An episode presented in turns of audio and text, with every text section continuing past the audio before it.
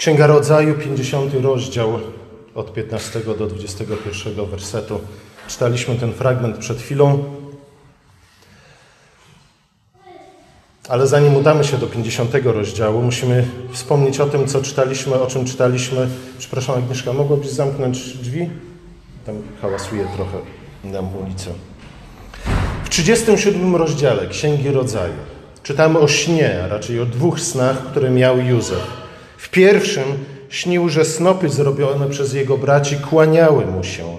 W drugim śnił, że słońce, księżyc i gwiazdy, a tych gwiazd było jedenaście, dokładnie tyle, ile braci miał Józef, również im się kłaniały. Te dwa sny, o których Józef opowiedział swoim braciom, rozzłościły go, ich tak bardzo, że chcieli go zabić. Za namową Rubena na szczęście nie zabili go, ale za to sprzedali go do niewoli. I tak Józef trafił do Egiptu. I tak rozpoczęła się jego bardzo długa, mozolna, trudna pielgrzymka do miana ojca Faraona. W 50 rozdziale Księgi Rodzaju bracia przychodzą do Józefa po wielu, wielu latach i kłaniają mu się, padają przed nim na kolana, oddają mu pokłon, ze względu na to, że Józef jest ojcem faraona. Jest de facto najważniejszą osobą w Egipcie, jest de facto najpotężniejszym władcą w tamtym czasie na całej kuli ziemskiej. Uczniowie, uczniowie, bracia Józefa padają przed nim na kolana i proszą, aby Józef nie wywierał na nich zemsty.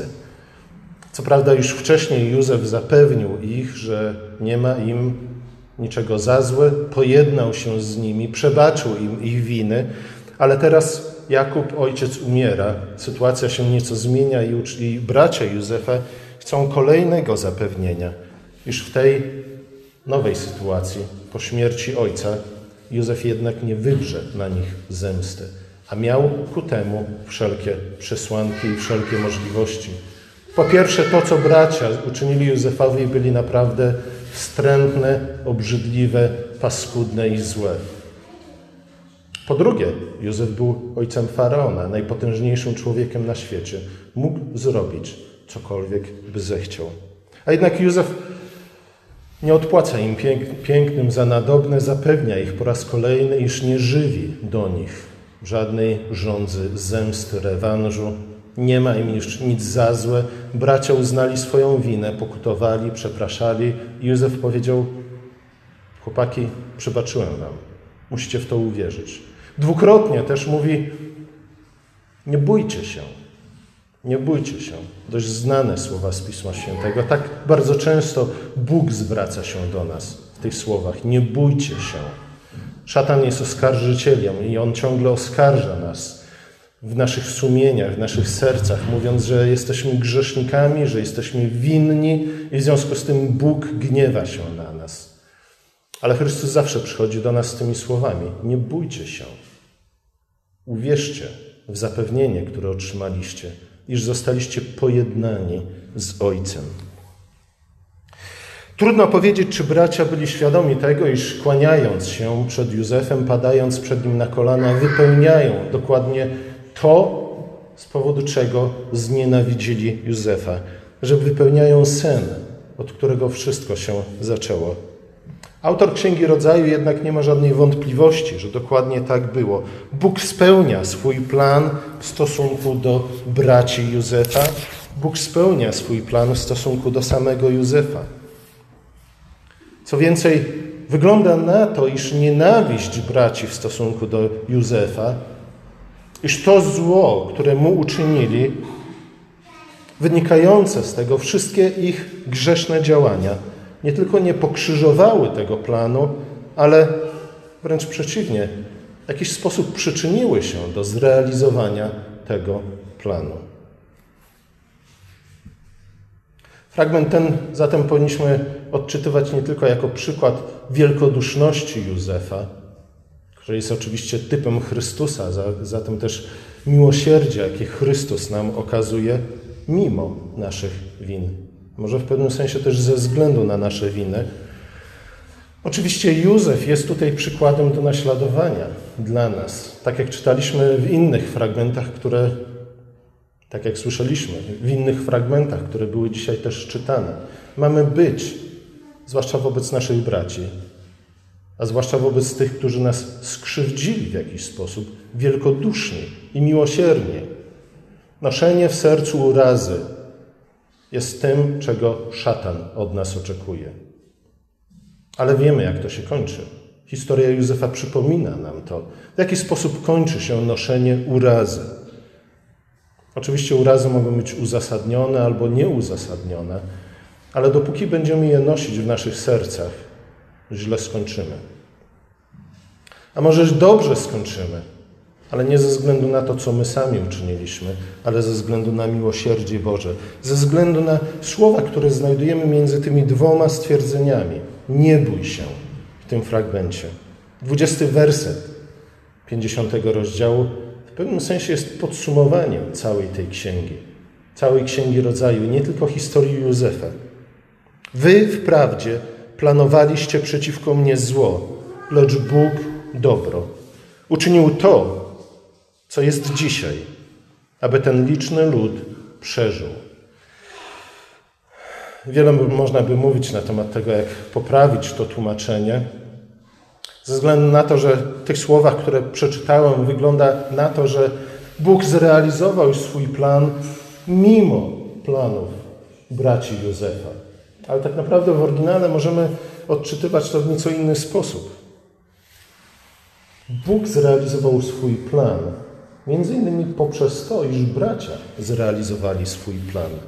Oczywiście to nie czyni planu braci dobrym. On wciąż jest zły i ohydny i podły. Niemniej jednak Bóg zamienia to zło, które oni uczynili i zamierzali jeszcze uczynić, w coś dobrego.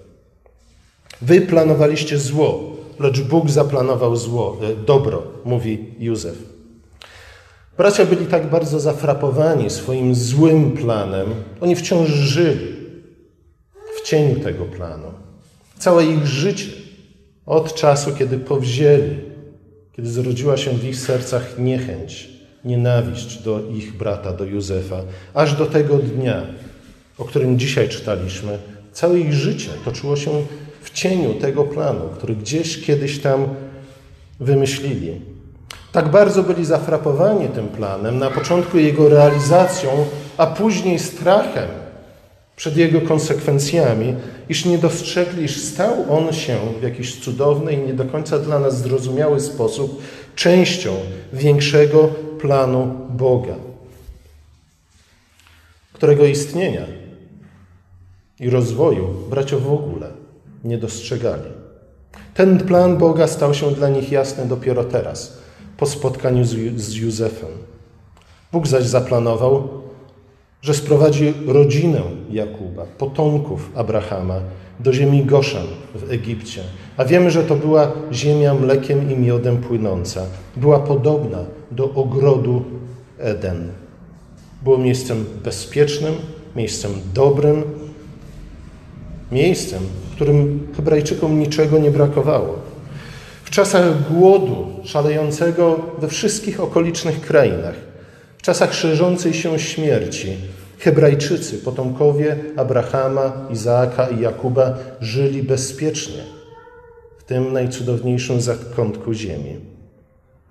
Właśnie ten plan chciał zrealizować Pan Bóg. Właśnie dlatego sprowadził Józefa do Egiptu. Choć braciom wydawało się, że to oni posłali Józefa do Egiptu jako niewolnika. Zwróćmy uwagę na to, że żadne knowania braci, ani plany faraona nie mogły powstrzymać realizacji tego planu Boga.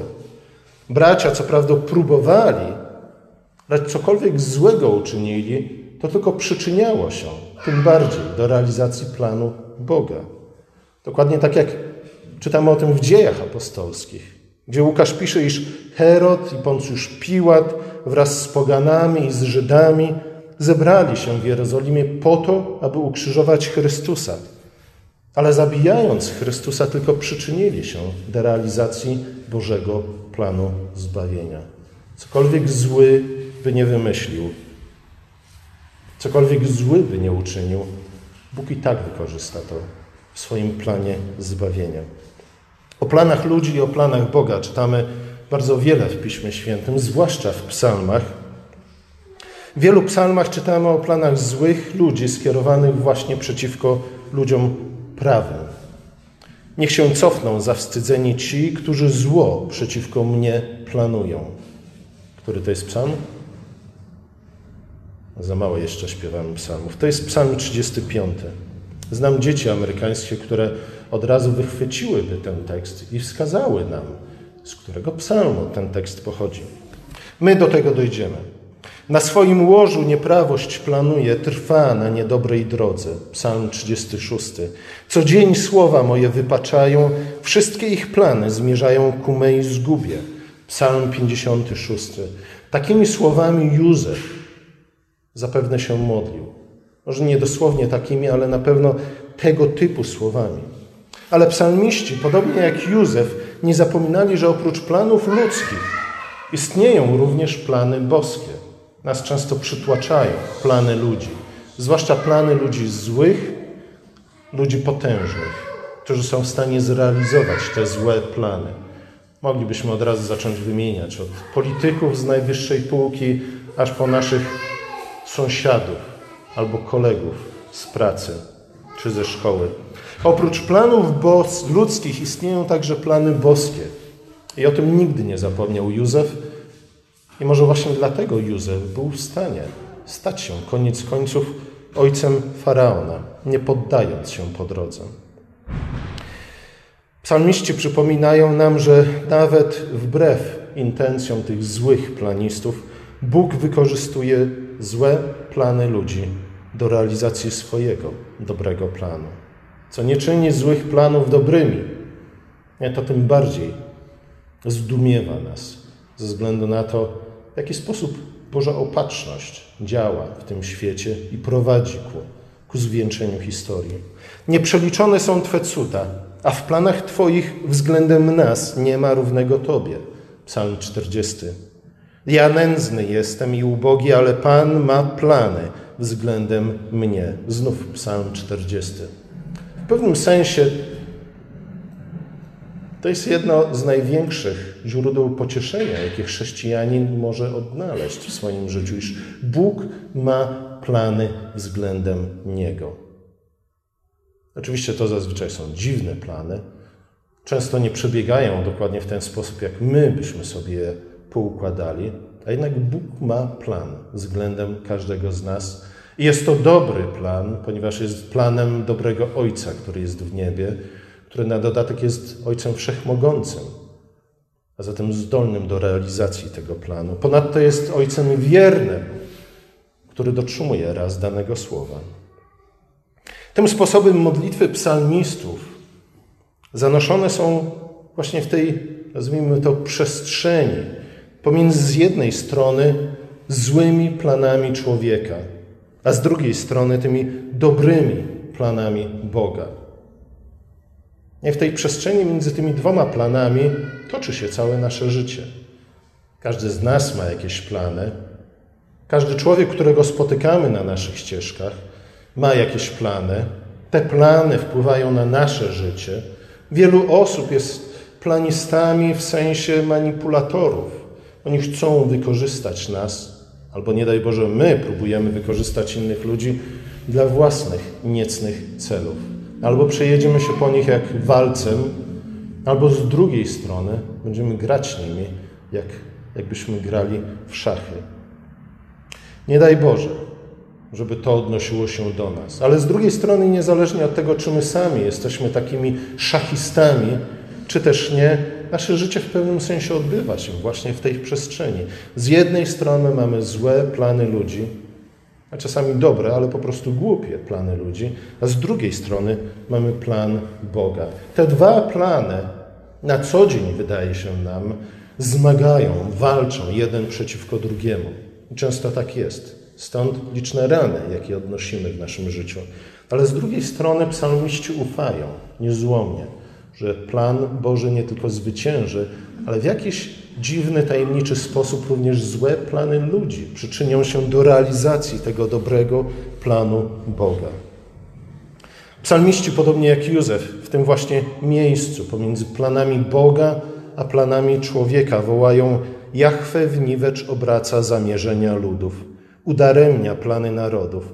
Ale postanowienia Jachwę trwa, trwają na wieki, a plany Jego serca dosięgają najdalszych pokoleń. Dlatego Józef i psalmiści wołają do Boga: Wybaw mnie, Jachwę, od człowieka złego, broń mnie przed gwałtownikiem, od tych, którzy planują zło w swoim sercu. Zachowaj mnie, Jachwę, od rąk bezbożnych, uchroń mnie przed mężem gwałtownym, który planuje zachwiać kroki moje. W pewnym sensie modlitwy te są odzwierciedleniem przeświadczenia, iż tak naprawdę wszystko, czego potrzebujemy, to zaufać planu Boga. Już to zaufanie do planu Boga wystarczy do tego, aby zniweczyć nikczemne plany złych ludzi. Z drugiej strony pamiętajmy o historii Józefa, w jaki sposób Bóg zniweczył nikczemne plany jego braci. On nie zniweczył ich w ten sposób, że już na samym początku sprawił, iż spaliły na panewce. Nie. W znacznej mierze plan braci powiódł się. Zgadza się? Inaczej Józef nie zostałby ojcem faraona. Bóg właśnie niweczy plany złych ludzi w sposób podobny, w jaki zniweczył plany braci Józefa. Czasami pozwala, żeby od razu spaliły na panewce, ale czasami pozwala na to, aby się rozwijały.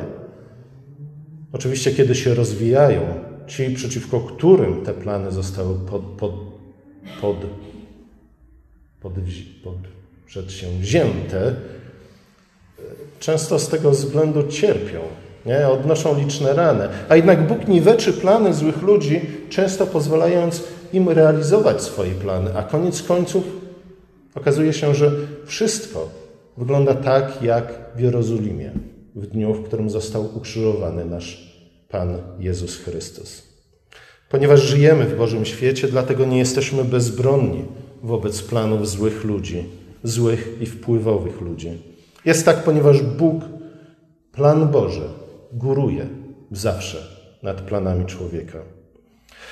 Płynie z tego oczywiście pociecha, zachęta do tego, abyśmy zawierzyli planowi Boga, ale z drugiej strony to też wzywa nas do tego, abyśmy traktowali nasze własne plany z pewnym przymrużeniem oka, z pewną rezerwą. Najczęściej, jeśli chcecie popaść w depresję, traktujcie wasze plany i samych siebie jak najbardziej poważnie. To jest gwarantowy przepis na to, żeby popaść w depresję. Nie? Potrzebujemy pewnej, pewnej rezerwy do samych siebie, ale przede wszystkim do naszych planów, do naszych pragnień, do celów, do których dążymy.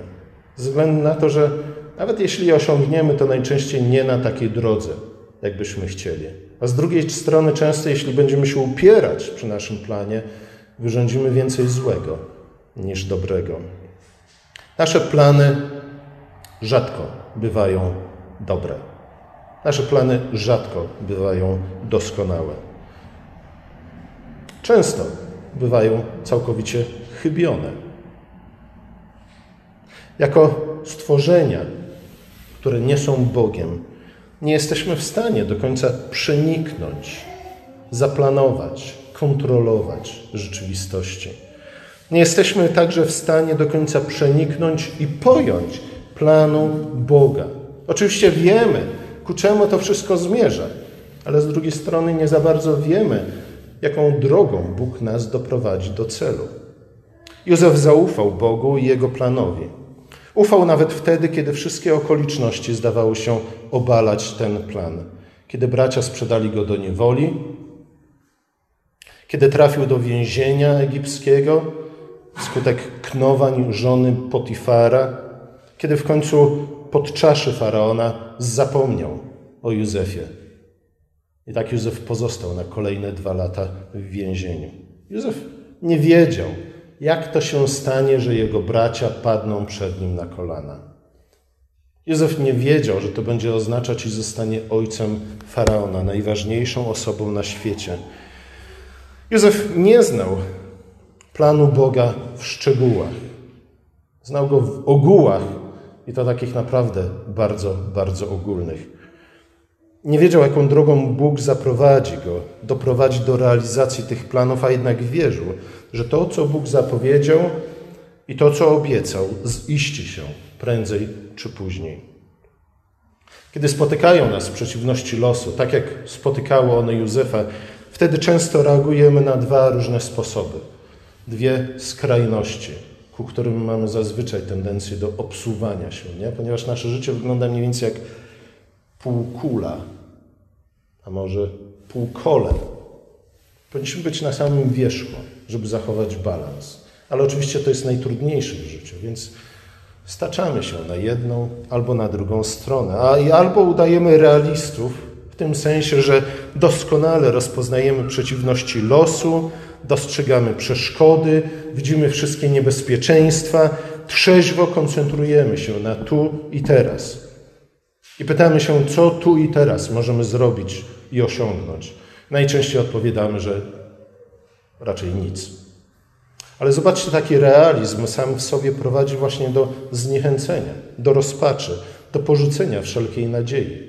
Tak, przeszkody są, przeszkody będą. Tak jak pojawiły się w życiu Józefa. Nie? To nie powinno nikogo z nas zaskoczyć, iż idąc za Chrystusem, Jesteśmy poddani na ataki szatana. Możemy też z drugiej strony skoncentrować się na tej pewności obietnicy Bożej. Nie? Być optymistami do samego końca. Ale taka pewność, nie? skoncentrowanie się tylko i wyłącznie na pewności obietnicy Bożej prowadzi często do postawy, którą moglibyśmy nazwać romantyczną, nie? w której ideologia zdecydowanie góruje nad rzeczywistością. Zwycięstwo jest wszystkim o czym myślimy. Zdaje się nam, że jesteśmy niepodatni na ataki szatana. Jesteśmy nieprzemakalni, jak to dawno, dawno temu śpiewała pewna grupa rockowa. Zdajemy się, zdaje się nam, że jesteśmy niepodatni na ataki złego, przez co stajemy się nieostrożni, bezmyślni, mylimy brawurę z odwagą. Końcowe skutki znów są opłakane jak Józef, powinniśmy raczej spróbować zbalansować. Z jednej strony realizm, z drugiej strony optymizm. Nie zgrywać gierojów ignorujących wszelkie okoliczności, ale też nigdy nie zapomnieć słów proroka Izajasza, Jeremiasza, czy też słowa Boga, które wypowiedział przez proroka Jeremiasza. Ja sam znam plany, jakie żywię względem was, głosi Jahwe plany niosące pomyślność, a nie zgubę, żeby zapewnić Wam przyszłość pełną nadziei. Realizm? Tak. Nie bądźmy ślepi na rzeczywistość, w której żyjemy, ale z drugiej strony ufność płynąca z obietnic Bożych. Te dwie rzeczy tworzą napięcie, które nas często rozrywa. Ale tak już jest w naszym życiu chrześcijańskim ze względu na to, że bycie chrześcijaninem oznacza nic innego jak naśladowanie Chrystusa. Właśnie oznacza bycie rozpiętym na krzyżu, gdzie różne rzeczy, różne siły rozrywają nas i uśmiercają. Skutek nadziei płynącej z planu Bożego kierującego historią świata, nie, ten wątek nadziei płynącej z planu Bożego kierującego historią świata i życiem każdego z nas z osobna pojawia się oczywiście nie tylko w Księdze Rodzaju, nie tylko w psalmach, także w Nowym Testamencie. Bardzo znany fragment z listu apostoła Pawła do Rzymian. Wiem, że wszystko współpracuje w pomnażaniu dobra z tymi, którzy miłują Boga. Rozdział ósmy. Wszystko współpracuje. Innymi słowy, nawet złe plany nikczemnych ludzi. Plan Boga ukierunkowany jest na dobro, a nie na zło. I właśnie to jest owoc, który będziemy zbierać, którym będziemy się cieszyć. Ten plan zaś realizuje się przez wszystkie zdarzenia w historii świata i życia każdego z nas. Każdy włos, jak mówi Jezus, każdy włos na naszej głowie jest uwzględniony w tym boskim planie. To dobro, które wynika z realizacji Bożego planu, sprawia, że słowa z Księgi Rodzaju z 50 rozdziału, 20 wersetu stanowią nie tylko podsumowanie historii Józefa, ale całej Księgi Rodzaju. Bóg planuje dobro. Gdzie po raz pierwszy czytamy o dobru, które Bóg uczynił. Oczywiście na samym początku, pierwszy rozdział. Pod koniec każdego dnia Bóg patrzy i widzi, że to, co uczynił, jest dobre. I tak przez sześć dni rozwija się ten plan stworzenia świata, aż szóstego dnia Bóg patrzy na to, co uczynił i stwierdza, że to wszystko jest bardzo dobre. Porządek stworzenia wyznacza pewien kierunek rozwoju historii świata. Zgadza się? I cała księga rodzaju potwierdza właśnie to, czego dowiadujemy się z pierwszego rozdziału. Historia Józefa, a w zasadzie wszystkich potomków Abrahama, Izaaka, Józefa, Jakuba, Józefa, opowiadają nam o tym, w jaki sposób Bóg realizuje swój dobry plan. W jaki sposób z tego, co często nam się wydaje być zagmatwaną historią, nie do rozplątania, złem, z którym nie jesteśmy w stanie już walczyć, koniec końców Bóg czyni i wyprowadza coś dobrego, a nawet bardzo dobrego. Pierwszy rozdział jest jakby zapowiedzią tego, o czym, co znajdziemy w całym Piśmie Świętym. Pozostałe 49 rozdziałów Księgi Rodzaju rozwijają właśnie ten wątek. Nie tylko, ale między innymi. Plan Boga jest dobry i Bóg go realizuje w historii, a realizuje go często w sposób, który przekracza nasze najśmielsze wyobrażenia. Bóg nie realizuje jednak swojego planu sam, bez udziału ludzi. Możemy w nim uczestniczyć jako buntownicy, na przykład bracia Józefa, póki się nie upamiętali, albo jak Kain i jak Lamek, oni także przyczynili się do rozwoju planu Bożego. Oni także przyczynili się do tego, że na końcu tej księgi lud Boży mieszka bezpiecznie i w dostatku. Przepraszam, w ziemi Goszen. Ale możemy też uczestniczyć w rozwoju tego planu Boga jako ludzie pobożni, pokroju właśnie Józefa. Józef jest jedną z tych postaci biblijnych, które w szczególny sposób zasługują na, na naszą uwagę, na wczytanie się w tą historię. Poza tym nie tylko Józef. Jego ojciec Jakub też nie miał łatwego życia. Józef nie był jednak, podobnie jak Jakub, jego ojcem, biernym obserwatorem planu realizowanego przez samego Boga. Ja wiem, że powiedziałem przed chwilą, wystarczy zaufać. A znów, czym jest zaufanie w Piśmie Świętym? Nie jest do końca czymś biernym i apatycznym, wręcz przeciwnie. Zaufanie jest zawsze czymś, co pobudza nas do działania, a przynajmniej do ufnego czekania. I często Józef robił dokładnie to. Czekał, spełniając wiernie swoje codzienne obowiązki. Ale z drugiej strony widzimy w tym wszystkim, że nawet w spełnianiu swoich codziennych obowiązków i cierpliwym czekaniu Jakub akty Józef aktywnie uczestniczył w realizacji Bożego planu, czyniąc to, do czego Bóg go powiedział. Nie wiedział, co kryje się za następnym zakrętem. Nie wiedział, że pod czaszy zapomni o nim na dwa lata, ale po dwóch latach wyjdzie z więzienia. Nie, Józef nic nie wiedział po tym, jak pod czaszy wyszedł z więzienia. Nie wiedział, ile jeszcze czasu spędzi w tym więzieniu. Nie wiedział, w jaki sposób dojdzie do tego, że bracia uklękną przed nim. Nie? Przyszłość w zdecydowanej większości wymiarze swoim była dla niego tajemnicą. A jednak Józef nie poddał się, ale czynił cierpliwie, codziennie to, czego Bóg od niego oczekiwał. I czerpał pocieszenie właśnie z zaufania, że plan suwerennego i dobrego Boga, Boga wiernego i łaskawego, zawsze zostanie zrealizowany. Prędzej czy później, w ten czy w inny sposób, ale zawsze.